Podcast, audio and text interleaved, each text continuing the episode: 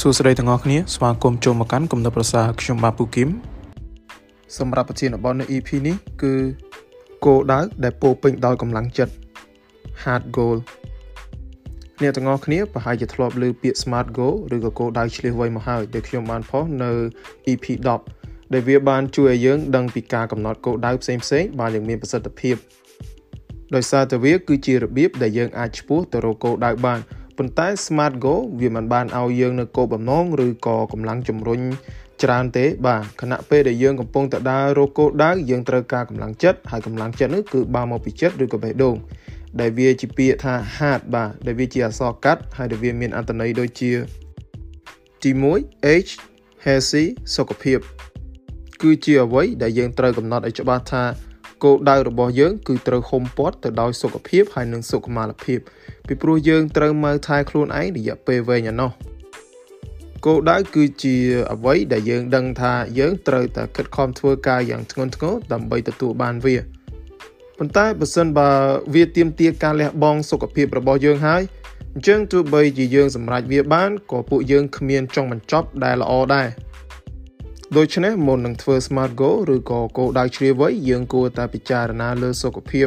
ខាងអារម្មណ៍ផ្លូវចិត្តក៏ដូចជារាងកាយផងដែរទី2 E enduring ទ្រាំអត់ធ្មត់គោលដៅរបស់យើងគួរតែមានអត្ថន័យគ្រប់គ្រាន់សម្រាប់យើងដែលវាអាចបំផុសគំនិតឲ្យយើងដើរទៅមុខបានទោះបីជាវាពិបាកប៉ុណ្ណាក៏ដោយ គ្រប់គោលដៅដែលមានគុណតម្លៃខ្លាំងដែលមានភាពស័ក្តិសមនឹងឲ្យយើងព្យាយាមចាប់សវ៉ាបានវានឹងគឺវាមិនដែលស្រួលទេ វាតែងតែពិបាកជានិច្ចពេលខ្លះយើងប្រហែលជាអាចមានសំណួរសួរសង្ស័យមកលើខ្លួនឯងបាទសំណួរសួរទៅលើការបដិចិត្តហើយពេលខ្លះទៀតនោះក៏សួរទៅលើសមត្ថភាពខ្លួនឯងផងប៉ុន្តែរឿងទាំងអស់នេះគឺវាធម្មតាទេ ប៉ុន្តែវាទាមទារយើងមានការតស៊ូអត់ធ្មត់និងមានអារម្មណ៍មោះមុតនឹងគោលដៅនោះវិញដើម្បីទាញខ្លួនឯងមកលើមាគ៌ាដែលយើងបានជ្រើសរើសដូច្នេះការទាញអារម្មណ៍ពូកញ្ជ្រោមកដាក់លើគោលដៅពិតជាអាចជួយឲ្យយើងឆ្លងផុតឧបសគ្គបានទី3 A ordering ធ្វើឲ្យតាក់ទាញ នៅពេលដែលយើងគិតអំពីគោលដៅវាមិនមែនត្រឹមតែស្រស់បំព្រងស្រស់ស្អាតអីទេ តែវាគឺត្រូវតែធ្វើឲ្យយើងដកចិត្តមិនបានដោយខ្ញុំបានរៀបរាប់ពីមុនអញ្ចឹងការឈានទៅដល់គោលដៅគឺពិតជាពិបាកខ្លាំងហើយវាក៏ជាហេតុផលធ្វើឲ្យយើង ធ្វើការយ៉ាងធ្ងន់ធ្ងរផងដែរហើយខណៈពេលដែលអារម្មណ៍មានភាពសំខាន់នៅក្នុងការជំរុញចិត្តអញ្ចឹងការមានអ្វីមួយធ្វើឲ្យយើងរំភើបក៏វាសំខាន់ដែរ ដូច្នេះយើងព្យាយាមរកចំណុចណាក៏បានដែរដែលធ្វើឲ្យយើងមានអារម្មណ៍ថារំភើបតាក់ចិត្តក៏ដូចជាចូលរួមទី4 or relevance ពាក់ព័ន្ធនៅពេលដែលយើងធ្វើការកំណត់គោលដៅយើងត្រូវតែច្បាស់ថាវាតាក់ទងនឹងជីវិតរបស់យើងហើយយើងត្រូវតែសួរខ្លួនឯងថាហេតុអ្វីបានជាយើងកំណត់គោលដៅបែបនេះហើយបើសិនបើយើងអាចសម្រេចវាបានតើវាជួយឲ្យជីវិតរបស់យើងប្រសើរឡើងជាងមុនដោយរបៀបណា ម្យ៉ាងវិញទៀតគោលដៅគួរតែជាអ្វីដែលយើងត្រូវតែជំនះហើយជាពិសេសនោះគឺគិតពីគោលបំណងហើយនឹងគុណតម្លៃខាងក្នុងខ្លួនរបស់យើងផង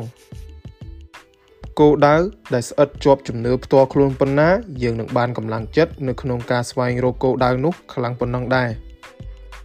ទី5 T truth ការពិតដែលក្នុងន័យនេះយើងសំដៅទៅលើភាពស្មោះត្រង់ចំពោះខ្លួនឯង តើយើងកំណត់គោលដៅនេះសម្រាប់អ្នកណា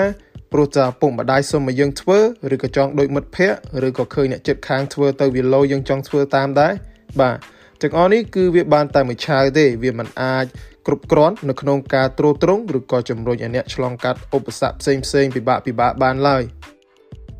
អញ្ចឹងវាមានតែធ្វើឲ្យអ្នកចំណាយពេលឥតប្រយោជន៍ហើយនឹងធ្វើបាបខ្លួនឯងតែប៉ុណ្ណោះដូច្នេះយើងត្រូវតែកំណត់វាឲ្យស្របទៅនឹងខ្លួនឯង ហើយនឹងត្រូវស្មោះត្រង់យ៉ាងខ្លាំងជាមួយនឹងមូលហេតុដែលថាហេតុអ្វីបានជាគោលដៅនេះវាសំខាន់សម្រាប់យើងម្ល៉េះសរុបមកវិញការកំណត់គោលដៅគឺមិនមែនគ្រាន់តែបញ្ជាក់នៅលទ្ធផលដែលយើងចង់សម្រេចវាបាននោះទេ គឺវាច្រើនជាងនេះហើយនៅពេលដែលយើងចំណាយពេលមកវិភាគលើការលើកទឹកចិត្តហើយនឹងផែនការសកម្មភាពផ្សេងៗជាជំហានជាជំហាន នោះយើងនឹងអាចកសាងគោលដៅដែលធំជាងនេះប្រសើរជាងនេះហើយនឹងទំនងថាសម្រេចជាងមុនផងដែរអញ្ចឹងបន្ទាប់ពីធ្វើ smart goal ឬក៏គោលដៅឆ្លៀសវៃហើយអ្នកទាំងអស់គ្នាអាចបន្ថែមនៅ hard goal ឬក៏គោលដៅដែលពោពេញដោយកម្លាំងចិត្តបាន ដើម្បីធ្វើឲ្យពួកវាជាផ្នែកមួយនៃការប្រើប្រាស់ជីវិតរបស់យើងដើម្បីឈានទៅដល់ជីវិតដែលគ្មានព្រំដែនកំណត់